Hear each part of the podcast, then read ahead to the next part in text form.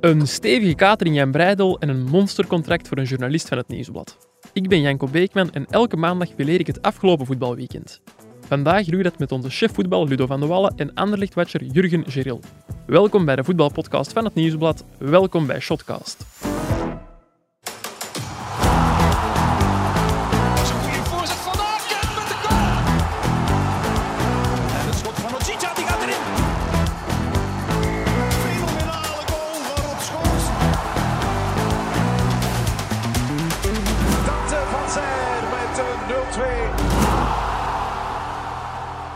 Dag Ludo, dag Jurgen.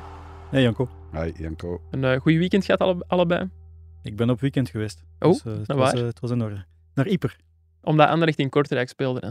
Ja, en ik heb de last post gezien in, eh in Yper, de officiële. En ik dacht misschien ook de last post van Anderlecht te zien eh, op Kortrijk, maar dat viel nog tegen. Tegen.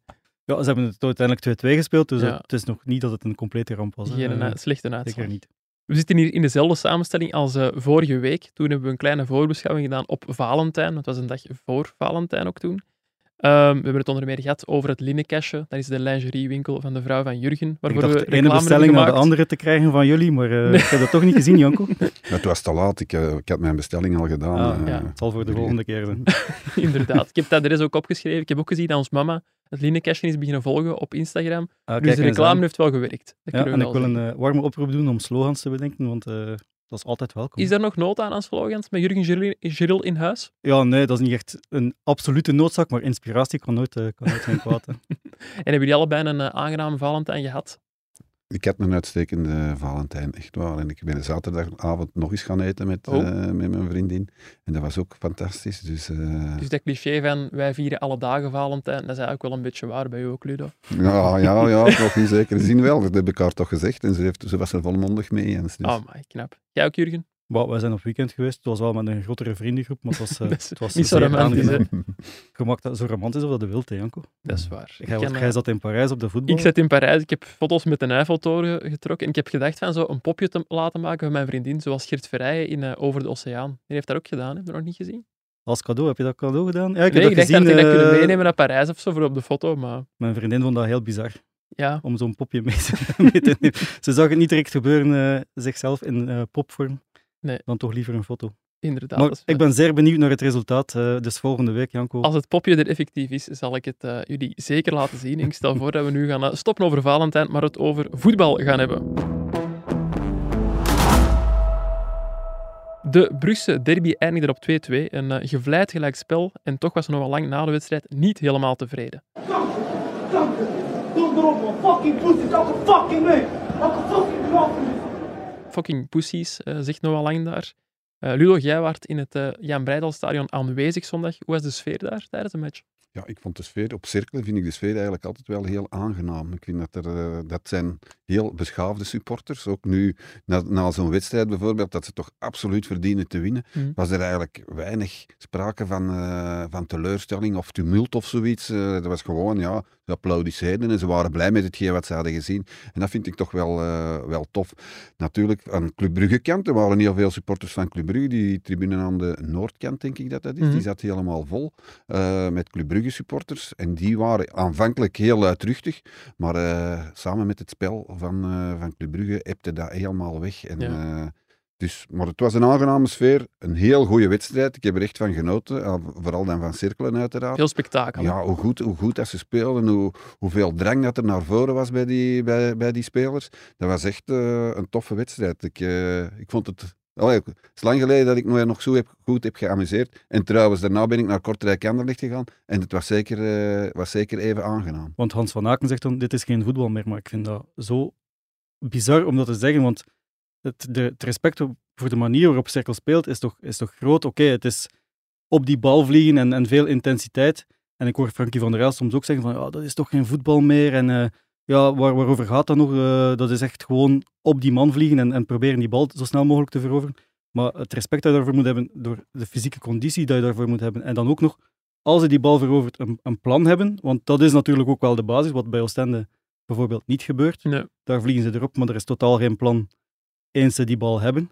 Dat is er bij Cerkel duidelijk wel. Ja, ja, en, en allee, dit voetbal dat we nu gisteren van Cirkelen hebben gezien, ze hebben 26 of 27 keer op doel getrapt, ze hebben 17 hoekschoppen gekregen. Dat is toch veel aangenamer dan zo'n ploeg die met 9 de bus parkeert Ja, en, absoluut. eh, en, en probeert ook de tegenstander het spel te beletten. En Club Brugge was gewoon niet goed. Ik vind dat nu ook wel een zwaktebod van, eh, van Hans van Aken om zoiets te zeggen, om, om dat voetbal op die manier te veroordelen. Ik veroordeel veel liever zo van dat defensief voetbal waar ze met 9 of met 10 Ja. eh, voor, voor, hun eigen strafschopgebied gaan liggen. Het enige jammer bij Cirkelen is wel, ze hebben heel veel kansen nodig om aan een doelpunt te geraken. Gisteren ook, je zegt het zelf, 17 hoekschoppen. Ja, daar moet dan wel iets meer te, mee te doen zijn, denk ik dan. Ja, Dat was het geluk van Club Brugge, hè, dat Ja. Cerkelen niet zo opportunistisch was als het bij een topclub wel zou zijn. Ik kan me wel is- voorstellen, zeg Ja. maar jullie. Nee, op zich is het ook voor Club Brugge, mak- moet het in principe ook makkelijker zijn door een ploeg die met zoveel drang naar voren speelt, om die uit verband te spelen. Er komt er meer ruimte. Want er komt veel meer ruimte dan een ploeg waar die met 11 voor zijn goal ligt, waar dat hij dan op een muur loopt.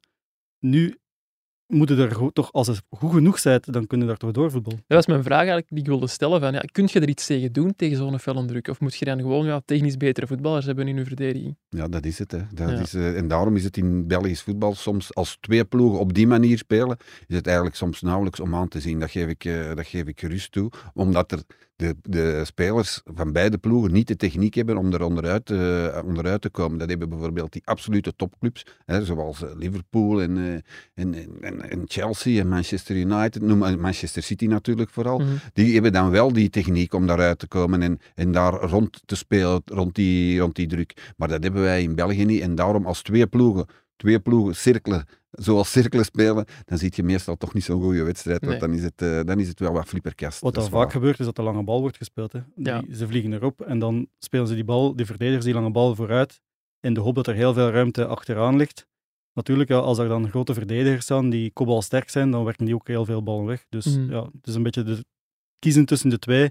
Op Oostende speelde Anderlecht voortdurend die lange bal. Dat werkte ook eh, voor geen meter. Dus ja, het is beter als je er tussendoor kunt voetballen. Ja, onze, club, eh, onze cirkelenwatcher, clubwatcher. Koen verdraaien. ik niet Ja, zeggen, maar de vereniging Watcher. de vereniging Watcher, eh, die zegt eh, dat nog geen enkel ploeg in de Belgische competitie, want hij ziet al die wedstrijden van Cirkel Brugge daar een antwoord heeft op gevonden. Nee, ik zou denken misschien dat Genk dat nog wel zou kunnen. Die hebben toch ook technisch onderliggende verdedigers, maar Ja, maar als Cercle het goed doet, zoals, Ja. zoals het, ze het Mhm. gisteren deden, en Club Brugge heeft toch ook wel goede spelers, heeft, heeft toch een, een sterke kern, dan, eh, dan is het heel moeilijk, denk ik. ja. ik heb er trouwens een statistiek bij gehouden die, die een beetje moet duiden hoe straf dat druk zetten van Cercle Brugge nu is. En dat is de PPDA. Kennen jullie die nog? Ik denk die tijdens het WK ook ooit ja, we hebben eh, daar boven eh, gehaald. voor het WK over gesproken. Peter Ja. Verbeek heeft dat ook eens... eh, dat is hoeveel passen je heeft voor, voor je de bal... Dat staat voor passes per defensive action Ja. allowed. Dus het aantal passes dat je een tegenstander laat geven vooraleer er een defensieve actie komt. Dus een tackle of een onderschepping of iets in, in die aard. Cercle zit aan een PPDA van eh 7,25. Hoe lager uw PPDA is, Hoe hoger uw druk eigenlijk is. En dat is het meeste, dus het laagste van alle ploegen in de Belgische competitie. Maar, nog straffer, zelfs in de vijf grootste Europese competities doet er niemand zo goed als Cercle Brugge. De enige ploeg die in de buurt komt is eh, Barcelona met 7,52 passes per defensive action allowed. ja, dat moet een enorme conditie hebben, toch? Ja, absoluut. Om altijd dat opgejaagde voetbal te spelen, dan... Je fysieke basis moet gigantisch zijn. Ja, en het straffen is dat meestal zijn het dat soort topploegen zoals Barcelona die dat wel kunnen. Eh, ik denk dat Celtic het ook doet, Ajax, Benfica. Altijd wel de beste ploegen in de competitie.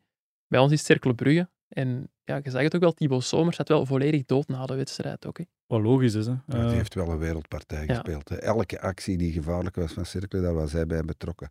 Chic. Zijn reactie na de wedstrijd was ook wel mooi. Hij verwees direct naar zijn eh, grootvader die in de buurt van het stadion woonde. Dat hem het ook voor hen deed. Dat je daar op zo'n moment aan Maar ik denkt. heb hem ook gezien toen de camera's niet meer draaiden. Ja. En dan is hij voor de Club Brugge supporters gaan zwaaien naar de Ja? Club Brugge supporters. En dan kent je, ja, dan- die wa- waren dan niet helemaal opgefokt. En dan pakte hem zijn truitje nog eens vast met zijn embleem. En dan kuste hem dan nog eens ook.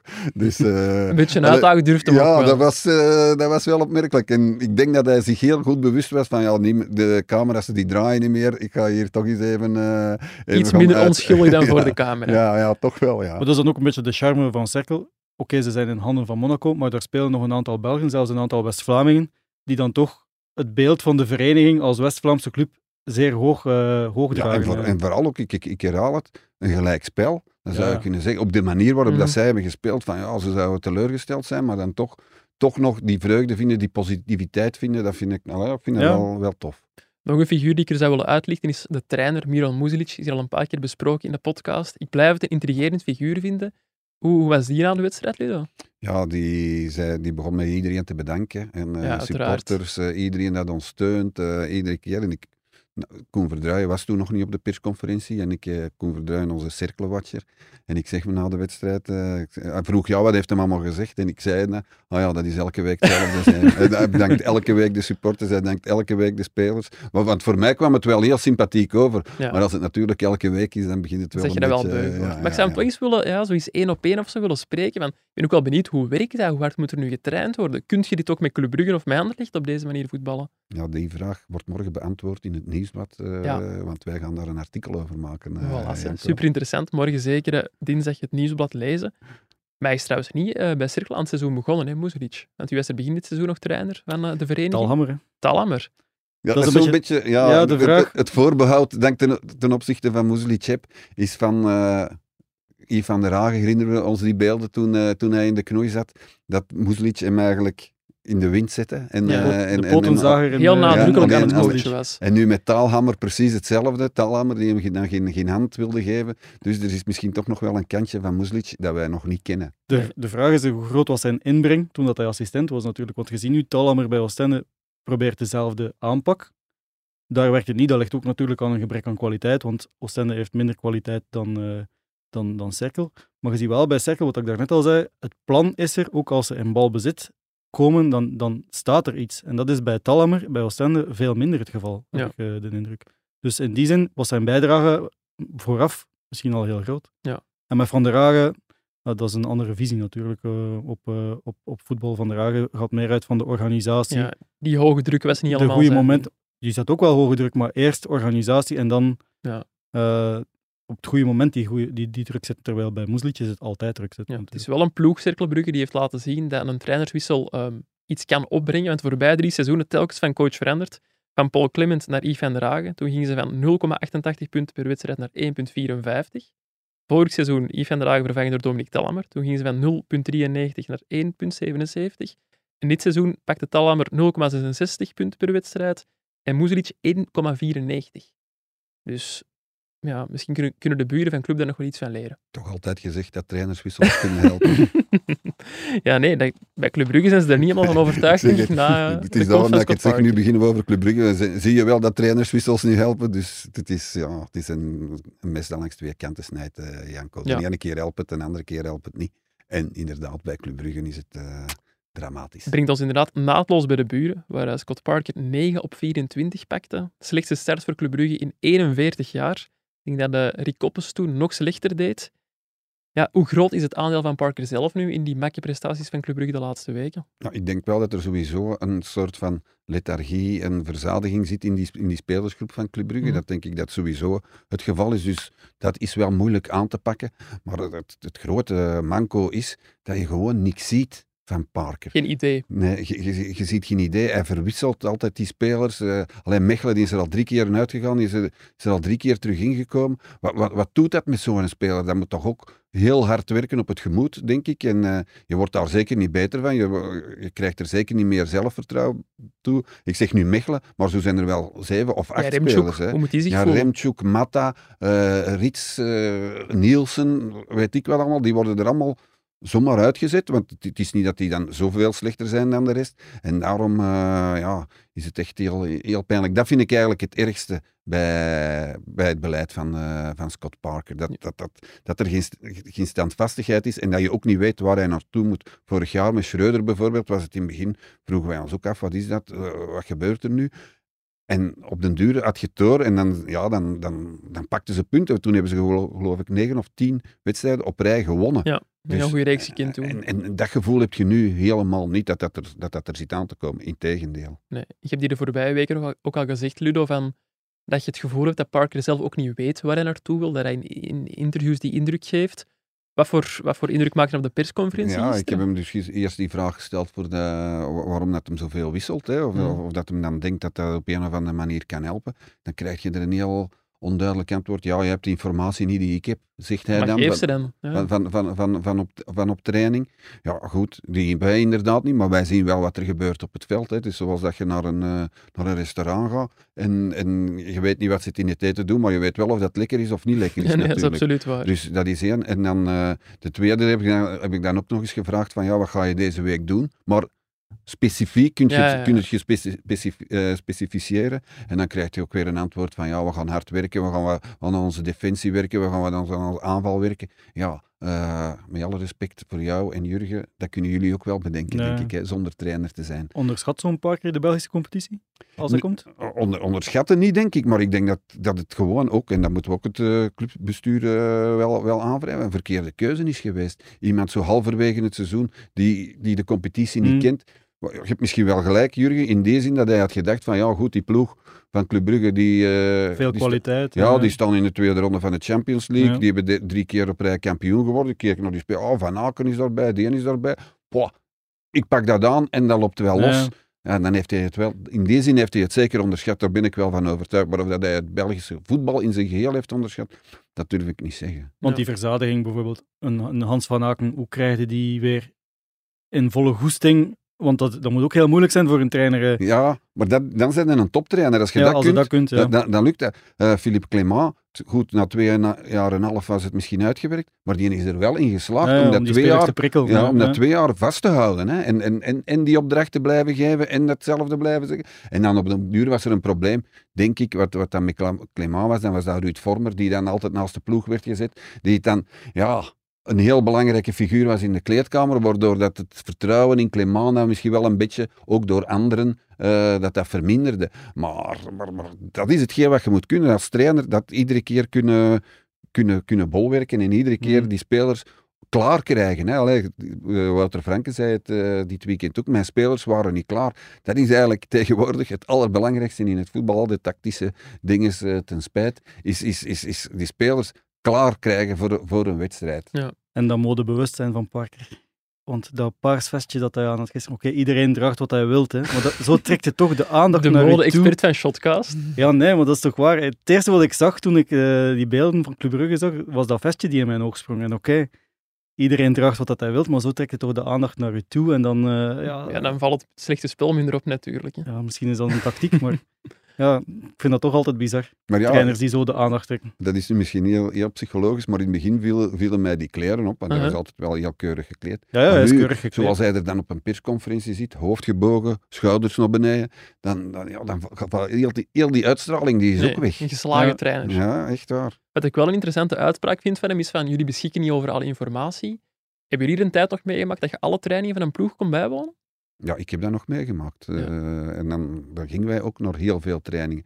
Ook niet altijd het, de plezantste bezigheid. Nee, hij wel, dat zeggen, vraag me want, af. eh, Van, leert je daar dan veel uit als journalist? Of niet? Ja, dat was vooral, wij gingen dan vooral voor te weten hoe welke eh, opstelling dat er zou, in welke opstelling dat er zou gespeeld worden. Maar je zag ook wel wie dat er goed bezig was op training. In Ja. de afwerking bijvoorbeeld. Nu weten wij niet, ja, Remshoek, misschien is hij op training wel heel goed bezig. Of misschien ook wel heel slecht. Dat- Of je ziet er ook geen evolutie in. Dat is, daar heeft hij gelijk in. Maar ik vind dat ook maar bijzaak, eerlijk gezegd. Allee, zoals ik zeg, je ziet wat je ziet. En eh, als het niet goed gaat, ja, dan gaat het niet goed. Hè. Bij mij was het kantje boord. Toen ik begon, als Anderlecht, het trainingscentrum van Neerpede was er nog niet. Dus die, eh, Na het stadion Die- was dat toen bij Anderlecht die trainen toen het stadion. Of ook op Neerpede, toen dat ze nog met de auto's richting Neerpede gingen. Ah, eh, dus met hun voetbalschoenen aan in de auto. naar, eh, Levensgevaarlijk. Neerpede. Maar ja, die training bijwonen, ja, je weet dat zelf misschien op, op stage. Nog nooit gedaan. Nee. Nog nooit gedaan. Dus als een week mee was op stage, nu is dat ook al minder, dan mochten elke training gaan zien. Ja. Waren dikwijls trainingen van twee uur, twee uur s ochtends, twee uur s middags. En dan eh, stonden daar vier uur naar een training te kijken. Ik kan u zeggen, na twee dagen zeiden dat wel kotsbeu, eh, die training. Moet je er niet, eh. zo, niet een balkje trappen even of zo? Wij stonden dan af en toe... Ja, wij hebben nooit wel nog gespeeld tegen, tegen de staf van Anderlecht. Ah, serieus? En wie Ja. was er toen coach? Eh, Ik denk dat Frank Verkouter een coach was toen. Oeh, een technisch directeur van de Maar ik weet, niet of, ik weet niet meer of dat Frank Verkouteren toen meedeed. Eh, ik denk wel dat Hazi en, en eh, de boek deden toen ook mee. En dan de medische staf, dat was, was, was intense. intense. Dus je hebt ooit eens een bal gekregen van Verkouteren om te shotten, naast het veld. Huh? En helaas hebben we die bal kwijtgespeeld. Die is over een, een huis gevlogen en ja, we konden daar niet meer aan. Onze techniek lag daar misschien ook eh, aan de basis zeggen, van, de- van het probleem. Maar dan moesten we dat gaan melden aan, eh, aan Frank Verkouter. Oeh. En dat was natuurlijk ja, niemand, ja, dat was toen echt wel nog de Norse Frank Verkouteren. eh. ik kom heel goed overeen met Verkouteren en ik vind dat een heel sympathieke man, nu. Maar hij heeft wel een beetje het karaktertrekje van Nors en, en weerbarstig te zijn en snel boos. Ja. Dus ben ik dan met een klein hartje, ik had de bal er niet over getrapt, by the way, met een klein hartje gaan zeggen, genomen. Frank, we zijn misschien wel de bal kwijt. maar ik kon ermee leven. Dus jij ligt mee aan de basis van de financiële problemen van Anderlicht vandaag. Daar is alles begonnen. Toch nog eh, even over Club Brugge. Eh, Ludo, ziet jij het gebeuren dat ze nog voor het einde van het seizoen afscheid nemen van Scott Parker? Ja, ik denk dat we nu voor een cruciaal weekend staan. Eh Club Brugge speelt thuis tegen een agent. Mhm. Stel dat dat misloopt, dan zijn er twee gevolgen. Eén, ze hebben tegen hun grote rivaal verloren. Twee, ze vallen uit de top vier. Ik denk dat ze dan bij Club Brugge toch wel gaan nadenken en eh, tot dezelfde conclusie gaan komen die wij nu dreigen te, te, te, trekken van eh, het komt niet meer goed met, met, met Scott Parker. Oké, dat brengt ons eh, naadloos bij die strijd om plaats 4. Want ook Standaard boekte dit weekend een knappe 2-4 zege op Union. Eh, Gent won met 2-0 van OHL. Welke ploegen zien jullie nog meedoen voor die vierde plaats in de Champions Playoffs? Op standaard, daar valt toch geen pijl op te trekken. Eh, Nee, maar ene hebben we keer meer zijn van die ploegen. Hè? Ja, de ene keer zijn die geweldig, de andere keer zijn die werkelijk nergens. Ja, ik, ik heb zo'n gevoel. We moeten straks, hè, voor de awards van de Pro League, moeten we de trainer van het jaar kiezen. We hebben natuurlijk Franken en Gerards, die zeker in aanmerking komen. Maar je hebt toch die Ronnie Deila, wat, wat Ja, wel een prestatie figuur, dat die lever- levert. Ik- Met een, ik- ik, ik, ik herinner zie- me hier op Ja, deze ja, plaats, en ik zeg het zelf, hè, dus ik eh, zet mezelf in de wind, dat ik zei van ja, Standaard moet opletten, want die gaan in de tweede helft van de rangschikking eh, eindigen. Ja, dat in het zegt me nog iets. ja, ja, ja dat, dat heb ik zeker gezegd. En ik blijf erbij, met die spelersgroep kan dat net zo goed zijn dat hij in de tweede helft van de rangschikking eh, eindigt. Maar wat hij daarmee klaarspeelt, en inderdaad tegen Kortrijk loopt dat dan mis en tegen, tegen eh, loopt dat dan mis. Maar eh, wat die, wat die presteert en hoe, hoe dat die zijn spelers, ik zal het nog eens zeggen, klaar krijgt voor een wedstrijd, chapeau. En zit Ronnie Deila bij Club Brugge en je hebt iets helemaal anders. 100% zeker van. Ja, wij Ja, zien ik alle zeg twee Jurgen hetzelfde beeld voor ons. eh, ja, ja, ja. Ik denk dat Jurgen en ik ook vrij lang zijn blijven hangen op het galen van de Gouden Schoen. En daar zagen wij Ronnie Deila, die zich zeer goed amuseerde en eh, regelmatig gin tonics ging eh, bestellen. aan de... waar je helemaal aan- niks mis mee is. Nee, maar dat maakt, hem, Ja. dat maakt hem denk ik ook sterk. Hij is zeer authentiek. En hij staat ook, denk ik, dicht bij zijn spelers, waardoor dat hij die meekrijgt. En hij, hij steekt zichzelf ook niet weg. Als hij hoesting heeft om een pint te drinken, dan denk ik, is dat een trainer die, die een pint drinkt. Ja. En dat, dat, dat helpt wel, denk ik, Zoals Standaard. vorige week gezegd, hè, een trainer die normaal doet. Ja, Ja. geloofwaardigheid is het, eh, Ja. het codewoord van deze aflevering. Iets waar ook eh, Karel Gerards dit weekend in het Nieuwsblad over had, hè, in zijn Ja. interview met Koen van Uitvangen. Dat hij zo geloofwaardig mogelijk probeert te zijn. Maar ik noteer dus, jullie, eh, zetten jullie geld op standaard voor uh, plaats Nee, ik zet Ah, mijn geld zeker niet op standaard, want ik volg Jurgen. Want ik zeg, volgende, eh, te- dit weekend spelen ze op Anderlecht, natuurlijk. Dan zullen ze er weer staan. Maar de week daarna spelen ze tegen Serijn. Alleen niet tegen Serijn, hè, maar ze hebben tegen Serijn 1 op 6 gehaald. Ja, dan, is dan echt- weet je al hoe, la- hoe laat Ja. het is. Hè. Tegen zo'n ploegen lukt het niet. En ik zet mijn geld niet op standaard. Het is eigenlijk moeilijk. Ik, denk nog altijd dat Club Brugge het wel zal, zal halen. Dat denk ik wel. Dat zou echt wel heel erg zijn met zo'n sterke kern. We zijn het er allemaal over eens. De sterkste kern kwalitatief in de laatste tien jaar waarschijnlijk, al sinds dat Verhagen en Manhart daar zijn. En, en, en dan niet in de top, vijf, eind- eh, top 4 eindigen, dat zou echt wel heel, heel, heel slecht zijn. Anderlecht hoopt op een hele mooie play-off 2. Met Club Brugge. Dat zal moeilijk zijn. Of Gent. Standaard. Zichzelf natuurlijk. Ja. Anderlecht zelf. En dan ja, nog... eh, Nee, maar Westerlo Ja, staat op drie West- punten van, de- Westerlo, van de ja. vierde, Stel je voor dat Westerlo het wordt. nog, nog maakt en dan krijgen we een, een tweede play-off met Anderlecht, Standaard, Gent en eh Club Brugge. ja, stel je dat voor. De omgekeerde wereld. We gaan het eh, de komende weken zien en in de gaten houden. En ondertussen kunnen wij de verplaatsing maken naar Kortrijk. Goal! Oh ja! Goal, goal, goal, goal! Als zij spelen, speel jij. Bet live op ladbrokes.be. Gok met maten. Ja, de kans dat Anderlecht de Champions Playoffs gaat halen, die wordt wel steeds kleiner, Jurgen. Uh, Ja. Anderlecht speelde zondagavond 2-2 gelijk tegen KV Kortrijk. Hoe was het in het uh, Gulden Sporenstadion? Ja, het viel eigenlijk nog goed mee, want ze hebben uiteindelijk een punt gehaald, wat op zich te weinig was. Mhm. Tegen Kortrijk was eigenlijk een must-win match. Maar ja, dankzij die flater pakken ze dan nog een punt. En er, ondanks het feit dat ze niet wonnen, heerst er toch een bepaald optimisme, vond ik, na de match. Ik had dat zelfs na Ludo Gorits ook al het gevoel, donderdag. Ja, dat ook niet dan- zo negatief was als de weken voordien. Nee, eh, want ja, daar hadden ze ook het gevoel, we hadden daar kunnen scoren, we hadden op zijn minst een punt verdiend. En Mhm. Ludo Gorets presenteerde zich zeker in het begin als een hele goede ploeg. Natuurlijk, de stap die ze echt eens moeten zetten, is tegen een sterkere tegenstander gewoon winnen. Ja. Want dat is dus dit jaar eigenlijk nog niet gelukt. Een eh, echte topper hebben die nog, nog niet gewonnen. Dus oké, als ze het volgende week tegen Standaard doen, dan... Maar ze, gel- ze geloven er wel in, dat, dat, dat blijkt. Want Ja. Riemer zei zelf, we hebben, het, eh, we hebben het in eigen hand. En dat, dat is ook waar, want ze spelen nu tegen Standaard, tegen Gent en tegen Cerkel. Ja, dat zijn dan de partijen. Als ze wil meedoen voor play-off 2, die moeten gewonnen worden. Ik vond Anderlecht wel sterk de eerste helft tegen KW Kortrijk. Tweede helft al een pak minder. Ik vond, ik vond Anderlecht vooral aanvallend wel, eh, z- zat er wel iets in. Hm. Verdedigend, wat we zeggen nu wel de eerste helft, ja, waren ze goed. Maar ze hebben toch ook wel wat Steek kansen vallen, weggegeven. ja, Ze hebben. Ja, er ze twee, speelden twee wel... keer oog in oog met de doelman gestaan, hè, Kortrijk. En heel slecht afgewerkt. Zeker. Maar, maar allee, ik vond het verdedigend precies niet zo, zo, zo goed. Maar, maar aanvallend zit er wel iets in. Wat mij betreft speelden ze echt wel met hun beste ploeg. Oké, je kunt discussiëren, moet er Raman of Amuzu op links staan, daar, daar, dat, is, dat is het enige dis- discussiepunt. Maar dit is de ploeg die volgens mij het meeste kwaliteit brengt en het beste anderlicht voetbal brengt. Met Refailov, met Verscharen, Slimani die heel goed was in de eerste helft in de Mhm. spits, die dan eindelijk eens een spits die een bal kan bijhouden, die, die oorlog maakt in, in de box, die de anderen ook laat aansluiten. Natuurlijk, het is een zeer offensieve ploeg. Dus je geeft meer kansen weg, automatisch. Wat logisch is. En Kortrijk speelde ook... Het probleem bij Anderlecht is een beetje de snelheid achterin. Wat Ludo Gorits ook al eh, aantoonde in dat eerste kwartier. Die balkjes in de rug van de defensie van, van Vertongen en De Bast, dat zorgt altijd wel voor problemen. Maar als dat eruit gaat, dan is dat volgens mij de beste ploeg. Het probleem is natuurlijk, als ze wisselt, wat op de bank zit, is allemaal minder voetballend. En dan... Was dat de reden dat ze zo wegzakten in de tweede helft, volgens u? Ja, ze zullen ook wel vermoeid geweest zijn naar, eh, naar Ludo Gorets. Dat was een zware trip. Dat was een zware match ook. Dat zal ook wel meegespeeld hebben. En ja, eh, de verleiding om heel veel lange ballen op, eh, op Slimani te, te gooien, was er ook wel. Waardoor dat het middenveld wat meer werd overgeslagen en dan kwamen ze in de, kwamen ze in de problemen. Ja. Maar ja, die trip naar Ludo Gorets, ja, dat was niet van de poes. Jij was er ook bij. ik was er ook bij, dus het was een... ja, we keren terug met een nachtvlucht. Dus de match was om eh, 22 uur Bulgaarse tijd. Dus dat, tegen dat, we, dat die match gedaan was, was het middernacht in eh, Mhm. Bulgarije. Dan nog persconferenties, interviews, zo, ja. Ze wilden om 12 uur 30 weg zijn met de bus, wat dat uiteraard niet gelukt is. Nee. Ehm, en het was anderhalf uur rijden eh, van Razgrad naar eh, Varna. En dat, dat op wegen die echt, ja, dat zijn geen autosnelwegen zoals wij ze kennen. Nee. Dus het was al vermoeiend. Dan de chartervlucht tegen dat ze zijn ingecheckt. Ja, ik zelf lag om 7 uur in mijn bed. Zeven uur 's morgens pas. ja. Dus die spelers ongetwijfeld ook. En dan vrijdag al terug aan het werk.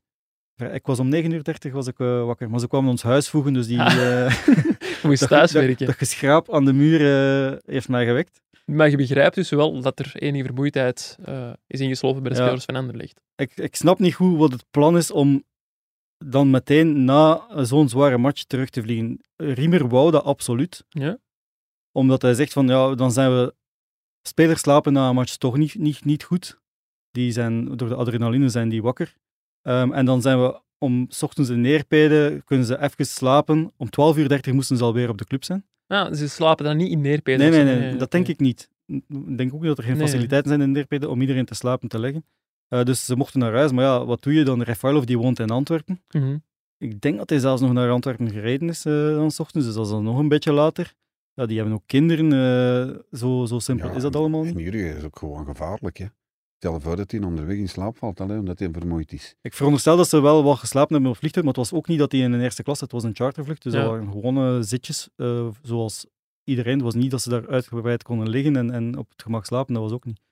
Dus ja, ik snap dat niet, maar Zoe deed dat wel nooit. Die bleef in, eh, eh, op ter plaatse om dan 's ochtends nog daar te trainen en dan pas later eh, op de dag terug te vliegen. Deze zomer ben ik mee geweest in uw plaats. aan Toen hebben ze het wel gedaan, Ja, toen zijn ze ook ineens ja. teruggevlogen. Maar dat was niet zo... Ja, in mijn herinnering was die trip niet zo lang toen. Ja, nu zitten we nog met al anderhalf uur bus naar de lucht. en het hangt er ook vanaf hoe, hoe laat dat ze spelen. Als ze die wedstrijd Ja. om kwart Ja, voor dat is zeven misschien een vrij vroege wedstrijd. dan, dan, dan, dan, dan kan dat nog wel. Maar op deze manier is dat inderdaad... En ja, dat zit natuurlijk eh, niet in de kleren. hè. En als het aan punten kost natuurlijk in het weekend, dan wordt het eh, des te zuurder.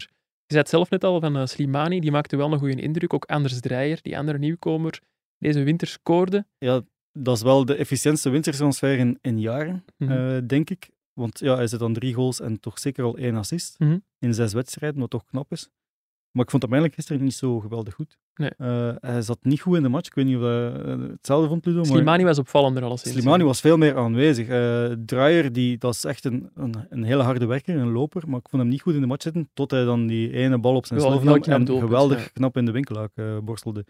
Maar ja, zijn statistieken liegen natuurlijk niet. Als hij zo'n Nee. speler binnenhaalt, dan is het wel een geslaagde transfer. eh. Het is wel goed voor het krediet van Jesper Fredberg natuurlijk. Hè. De twee wintertransfers renderen wel. eh. van de laatste zeven goals zijn er vier gemaakt door eh, dus ofwel Draaier ofwel Slimani. Dus ja, dan kun, daar kom je wel mee thuis. Kunt je mee thuiskomen. Ja. Of mee afkomen op eh, een supportersavond, want die staat vanavond, maandag, gepland bij Anderlecht. Wie gaat er allemaal aanwezig zijn, Jurien? Wat ik gehoord heb, is sowieso Mark Koeken die met de supporters gaat praten, wat ook wel eens nodig is. Mhm. Eh, want ja, ze moeten toch ook eens horen wat Koeken te zeggen heeft, hoe, hoe hij de club verder wil laten ontwikkelen.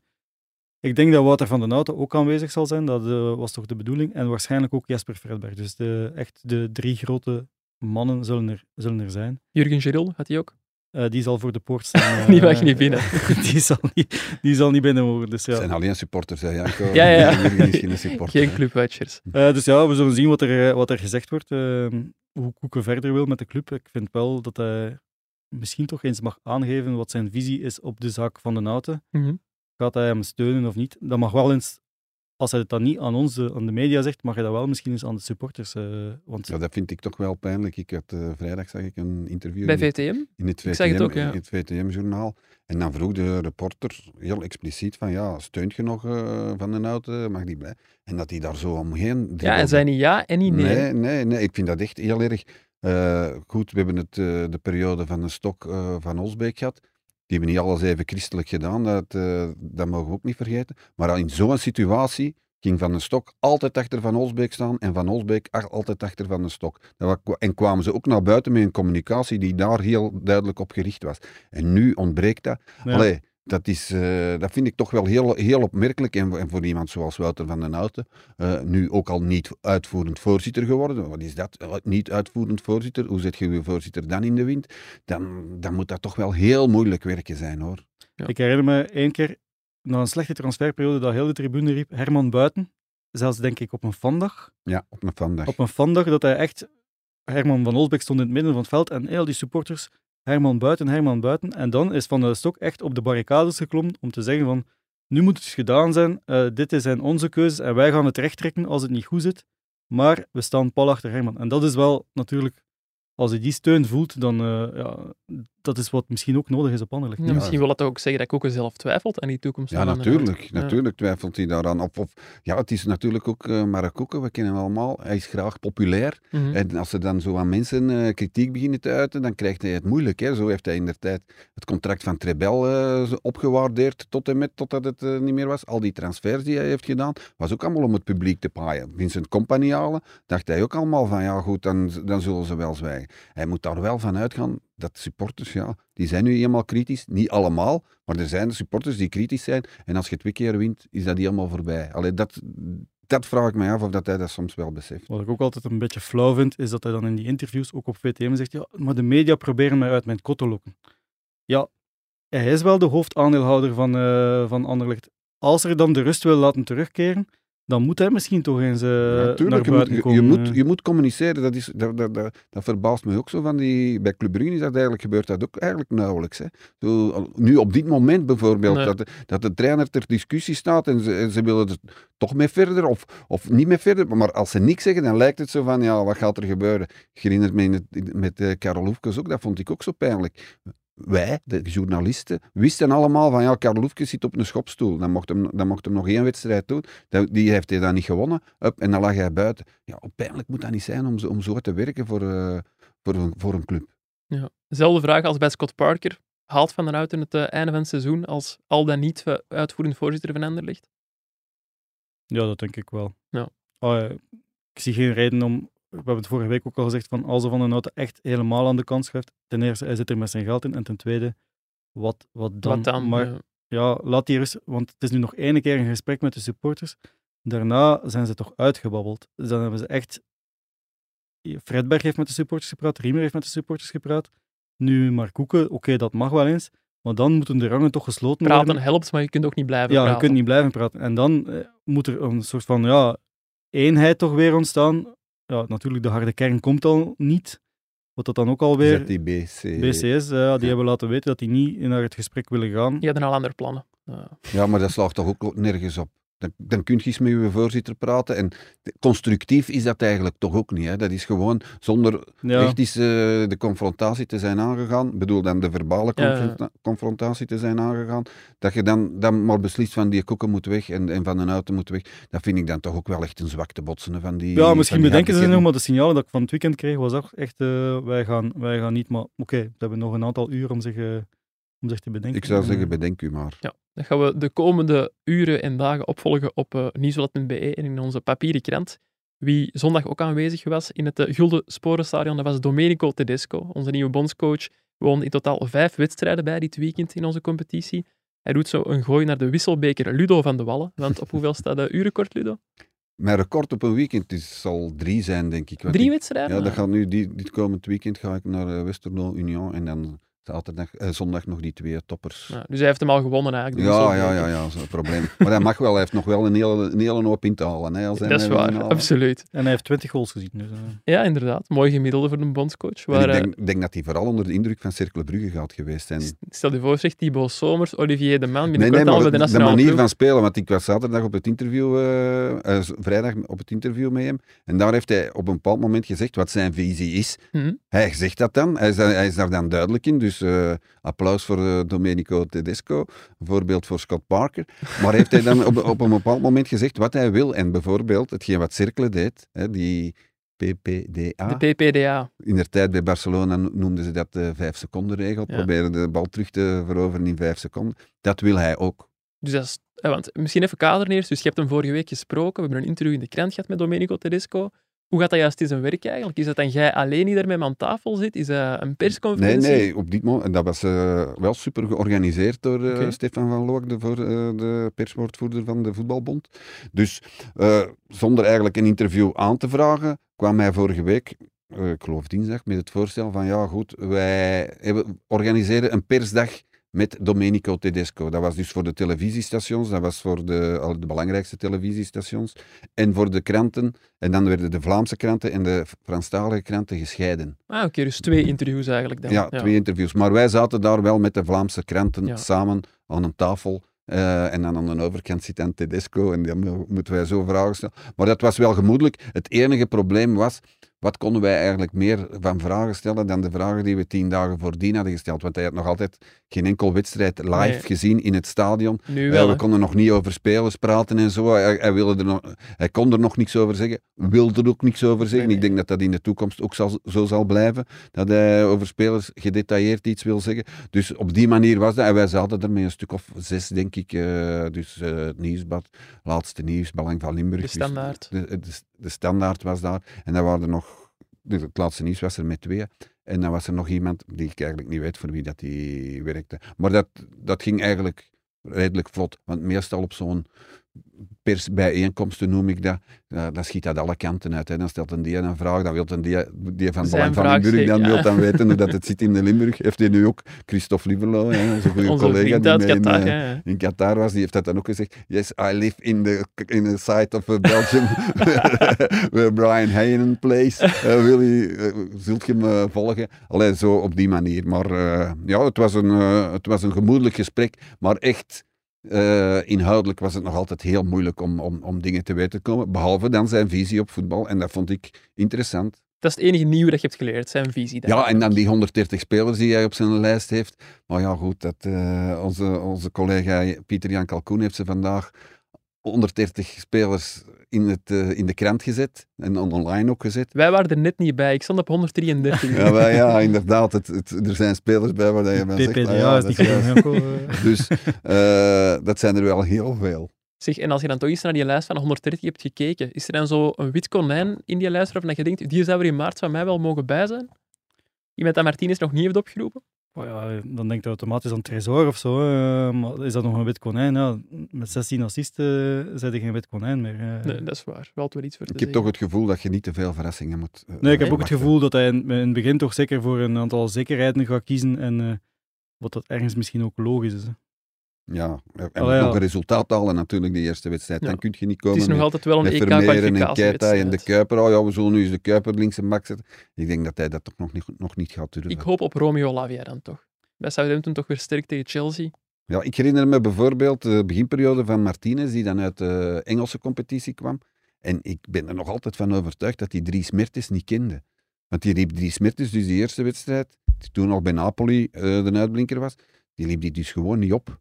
Dat was echt zo van, oh, eh Dries Mertens. En daarna heeft hij die dan wel opgeroepen. En dan is die in, in, in de gratie gekomen van Roberto Martinez. Dus Tedesco komt uit de Duitse competitie. Dan denk ik, ja, moeten we misschien niet denken aan Bornau en, en, en Luque Bacchio en zo. Ja. Dat, dat die mannen er wel zullen bij zijn, want die kent hij wel. Hij zal toch een zekere balans moeten vinden. Misschien inderdaad een aantal zekerheden, maar toch één of twee verrassingen om toch aan te tonen van Ik ben hier nieuw en ik, ben wil hier nieuw, ik wil hier wel iets, eh, een nieuwe dynamiek creëren. Dus dat zal er ook wel bij zijn, denk ik.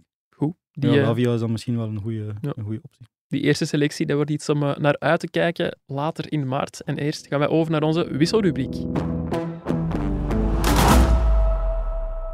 We halen vandaag nog eens een klassieker onder, van onder het stof. Ik zie, ik zie wat jij niet ziet en het is een contract bij Anderlecht. Jurgen, leg daar eens uit. Ja, dat is mij aangeboden. Is er u een contract bij Anderlecht aangeboden? Dan mogen we misschien toch naar de supportersavond komen. Ja, misschien. Nee, nee. Ik heb een. eh, vorige week, via via, kregen wij een, eh een Anderlecht-contract te zien.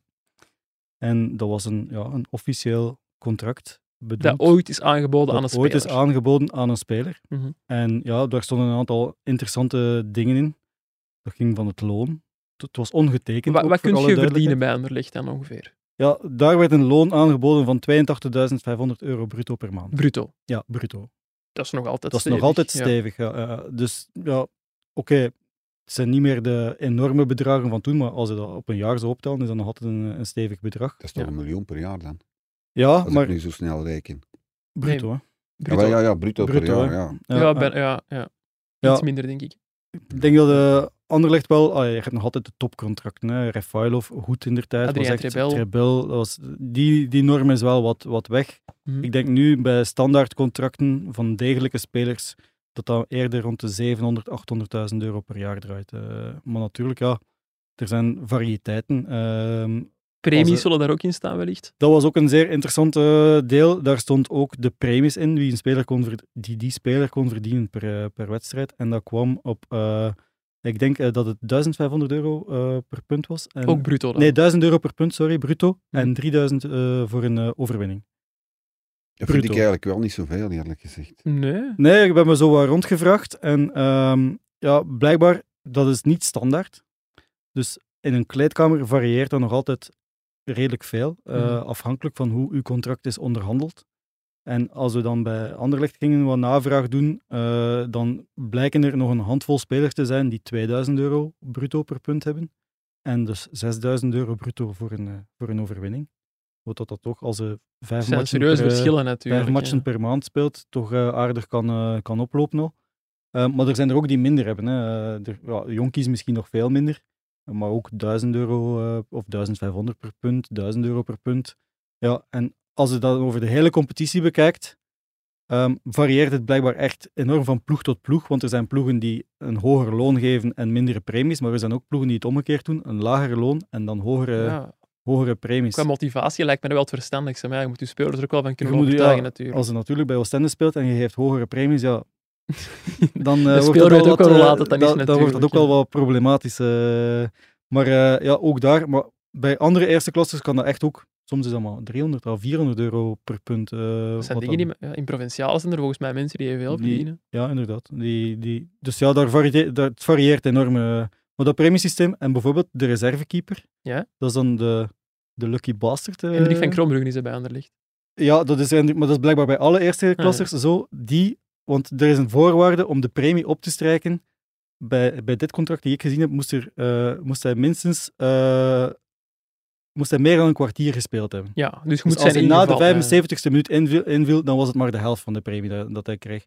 Terwijl dat dan vroeger ook anders was. Eender wanneer je inviel, als je een minuut had gespeeld, of dat dan nu vanaf de eerste minuut was, of dat was in de 90ste minuut, dan kreeg je de volle premie. Oké. De reservekeeper is de lucky bastard, want die, zijn kans op invallen is eh, eigenlijk Vrij klein. is Ja. bijna nihil. Hoe vaak gebeurt het dat een reservekeeper van de bank mag? Dus bij zo wat alle eerste klassers krijgt de reservekeeper, ook al speelt hij geen minuut, de volle pot. Het is inderdaad wel een aangename job. Hè? De- Dus ja, ik, op de- ik, ik heb mijn zoon gezegd van vanaf nu leer te vangen in plaats van shotten. ja, maar ook niet te goed, want dan wordt de eerste keeper misschien. Ja, gewoon wel een beetje de, bal, gewoon wel een, beetje de balans aan. eh. Zeg, en zo het loon en de premies, dat zijn de, de logische dingen in zo'n contract. Zijn er nog dingen die u zijn opgevallen waarvan dat je geen weet had? Ja, wat ook opviel was dat eh, er was een verzoek om binnen een straal van 20 kilometer van de club te gaan wonen. Dat is voor als je een nachtvlucht hebt en dan nog ja, naar dan, huis eh, moet of ben zo. snel, eh, dan zit je snel thuis. Dat viel wel op, want ja, dat is, als je dat dan wel specifieker gaat eh, bekijken, ja, veel spelers van Anderlecht wonen niet binnen een straal. We hebben al gezegd, eh Refailov, die Ja, woont in meer Antwerpen. zijn, ja. Ik denk eh, Bart Verbrugge woont ook in Antwerpen. Hendrik van Krombrugge woont in Bekkenvoort. Mannen weten we Eh, dat goed is, hè, Ludo? Antwerpen. eh, dus, dus ja, die willen maar ik- als dat bijvoorbeeld een buitenlandse speler is, kun je dan misschien wel eisen. Is dat een echte eis als die buitenlander wil zeggen van ik ga in Waterloo wonen, die op Ja. 30 of 40 kilometer van Anderlecht is? Dat zal waarschijnlijk, waarschijnlijk geen probleem zijn. Nee. Dus dat was opvallend. Voor de rest, ja, je mocht geen reclames aangaan met een gokbedrijf of met een eh, alcoholproducent. Persoonlijke reclames. Dan Ja. want Anderlecht heeft Bacardi als sponsor dan wel weer. Wat dat dan ook een beetje ja, raar is, maar wat. Ja. Eh, dat soort dingen. eh uw schoenen mogen wel vrij kiezen, het merk. Eh, maar voor interviews moeten in burgerkledij of kledij van Joma zijn, van de, van de sponsor. Dus dat zijn de dingen. Als een dokter eh, raadpleegt, als dat de dokter van de club is, is alles gratis. Maar als een tweede dokter raadpleegt, is dat op uw kosten. Op kosten van de speler dan. En ehm, als die niet overeenkomt met de Anderlecht-dokter, dan wordt er een derde dokter ingeschakeld om een derde opinie en dan beslist Ah, de, meerderheid. dat Dus dat wel soort, eigenlijk. Hè? Dat soort dingen staat allemaal in... eh, En ik herinner me, want ik heb ook ooit zoiets een contract gezien. Ik denk dat jij dat toen ook hebt gezien, eh, Jurgen. Dat de spelers, de, eh, de supporters na de wedstrijd altijd moesten gaan groeten. En dat daar op straffen van boete, als ze dat niet deden, dat ze een boete kregen. Dat stond nu niet specifiek in, ehm, in dat contract, maar bijvoorbeeld ook het gebruik van alcohol eh, staat daar niet speci- specifieks over in. Ook niet bij is- Benito Raman. Ook niet bij Benito Raman, maar er is bijvoorbeeld wel bij veel clubs dan een intern reglement die dan niet specifiek zo, in het contract Ja. staat, maar wel voor alle spelers geldt. En dan moet je En respecteren. dat moeten we wel respecteren. Dus daar zou kan kunnen, het zou perfect, kunnen dat, dat, dat dit interne daar kan perfect was. ja. in staan dat je de spelers moet gaan groeten of dat je een boete krijgt, of als je je truitje weggeeft, dat je dat moet betalen. Vertongen gaf gisteren zijn truitje aan een, eh, aan een ventje van 14 jaar, heel mooi gebaar, Ja. die met zijn bordje stond van eh, Jan Vertongen, mag ik, u, eh, mag ik uw shirt? Een collega dat daar totaal geen fan van is. Ja, Ja, I een know. kartonnen bordjes. I know, maar het is wel gelukt en dat ventje was zelf echt wel heel, Ja. heel Ja, content. ik hoorde die moeder zelfs nog zeggen, amai, die gaat goed slapen vanavond. Oh, Dus ja, maar Jan Vertongen zal waarschijnlijk... voor. Jan, Jan Vertongen zal wel zijn truitje moeten, eh, moeten betalen dat hij weggegeven is. Dat denk ik toch. Dat zal er nog net vanaf kunnen, denk ik. Bij Ja, dat zal er wel nog net vanaf kunnen, inderdaad. Maar dat soort dingen staat, daar, eh, staat daarin, ja. Oké. Ik heb ook nog iets gezien dit weekend. Een menselijke scheidsrechter. Tijdens eh, Ajax-Sparta Rotterdam. Mohamed Kudus van Ajax die trok bij het vieren van zijn goal eh, zijn truitje naar boven, omdat hij een eh, boodschap wilde laten zien ter ere van zijn landgenoot Christian Atsu, die om het leven kwam bij de aardbeving in Turkije. Hij kreeg daarvoor geen geel van eh, scheidsrechter Paul van Boekel, omdat hij ja, vond dat dat moest kunnen en omdat hij ja, dat heel menselijk vond, die reactie. Zeer Moeten we toch toejuichen. Hè, Ja, als een, absoluut. eh, Moeten we toejuichen, maar hij zal wel op zijn, eh, op zijn dak krijgen. Maar hij zal zich dat misschien ook wel kunnen permitteren. Net als Jan Ja. Vertongen dat truitje bij Ik Anderlecht. hoop het. Ik had de indruk dat Hashimero gisteren ook een traan wegpinkte eh, bij de minuut stilte Ook in Turkije. ja. Ja, want eh, ja, die kent Atsu natuurlijk ook. Trouwens ook nog even, die minuten stilte, die worden tegenwoordig terug goed gerespecteerd. Er is zo'n periode geweest dat er altijd eh, wel een of ander een onverlaat of, of zelfs een stuk of vijf, vijf Ja. zes moesten roepen of zo. En ik heb nu de wedstrijden, vorige week was er op eh, Antwerpen een minuut stilte, goed gerespecteerd. Gisteren in Brugge, goed gerespecteerd. Op En in Kortrijk ook, Kortrijk ja. ook. Dus alsjeblieft, hou dat zo. eh, het is echt indrukwekkend en die mensen, voor wie het dan is, die verdienen dat ook echt Ja. wel. Voilà, als het goed is, zeggen we het ook. En Ja, eh, zeker. ondertussen kunnen wij over naar onze afsluiter. Ludo, Jurgen, wat staat er eh, voor jullie nog op de planning deze week? Ik ga eh Anderlecht Ludo Goritz eh, gaan bekijken. En, En gaat je hoop- Ludo meenemen? Eh, dat weet ik eigenlijk niet. Ga je mee Ludo naar je favoriete ploeg? Ik eh? ga niet mee naar Goritz. eh. Eh, nee, ja, laat ons hopen dat de, dat de kwalificatie er komt. Eh, het is nog altijd mogelijk natuurlijk. Het wordt wel een beetje tricky, want ja, ze moeten scoren. En met die snelle spitsen van Ludo Goritz op de counter eh, zal dat niet zo Nou, simpel daar is er wel last mee in de hele match ook. Ja, ja, absoluut. Dus ja, laat ons hopen dat het tot een kwalificatie komt. Want ja, de volgende match dat niet alleen Union in het Lottopark speelt, eh, Daar gaan we zoiets- zeker nog over praten, over de Union. Ludo, wat ga jij nog doen buiten Ja. Ludo Gorits eh, volgen?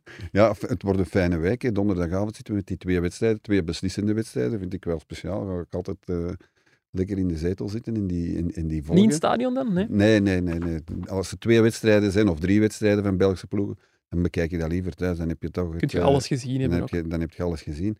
Vrijdag is er dan die Vlasico. Hè, de, De Vlasico, de- de- inderdaad, De, de West-Vlaamse derby. Een heel belangrijke wedstrijd voor beide ploegen, dus interessant om te volgen. Zaterdag Westerlo-Union. De- Ik zie onze, ka- onze cameraman Sebastian zo op zijn stoel eh, schuiven als het over de Vlasico gaat. Ik denk dat hij een Zulte Waregem-fan is.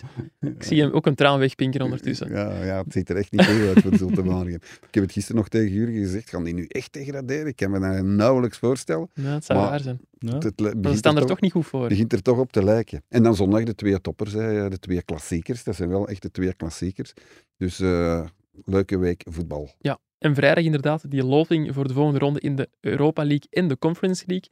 Of dat Gent en Anderlecht erbij zijn, dat valt nog even te wachten. Wie sowieso in de trommel gaat, dat is Union in de Europa League.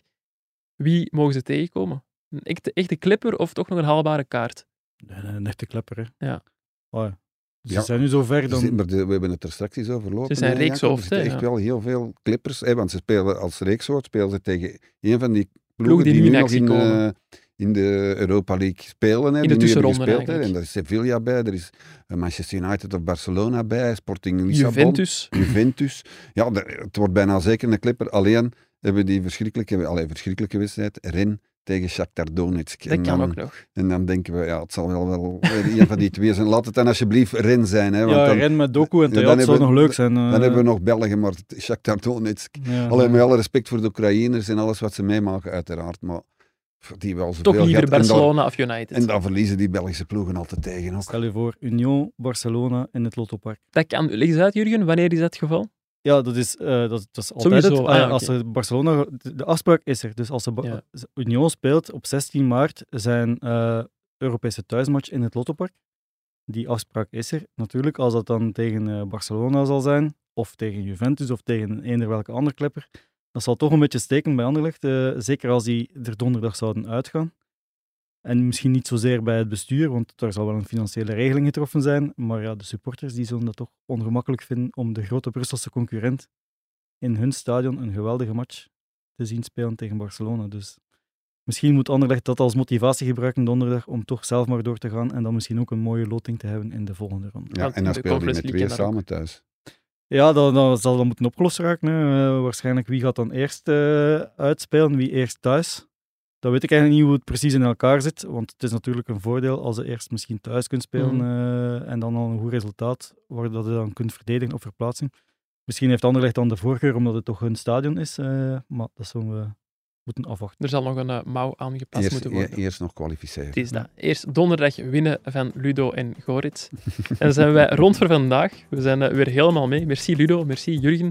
Bedankt aan cameraman Sebastian en stagiair Thibaut, die hier achter mij aan de knoppen zit. Aan de mensen bedankt voor het luisteren. Geniet nog na van het afgelopen weekend en tot volgende week.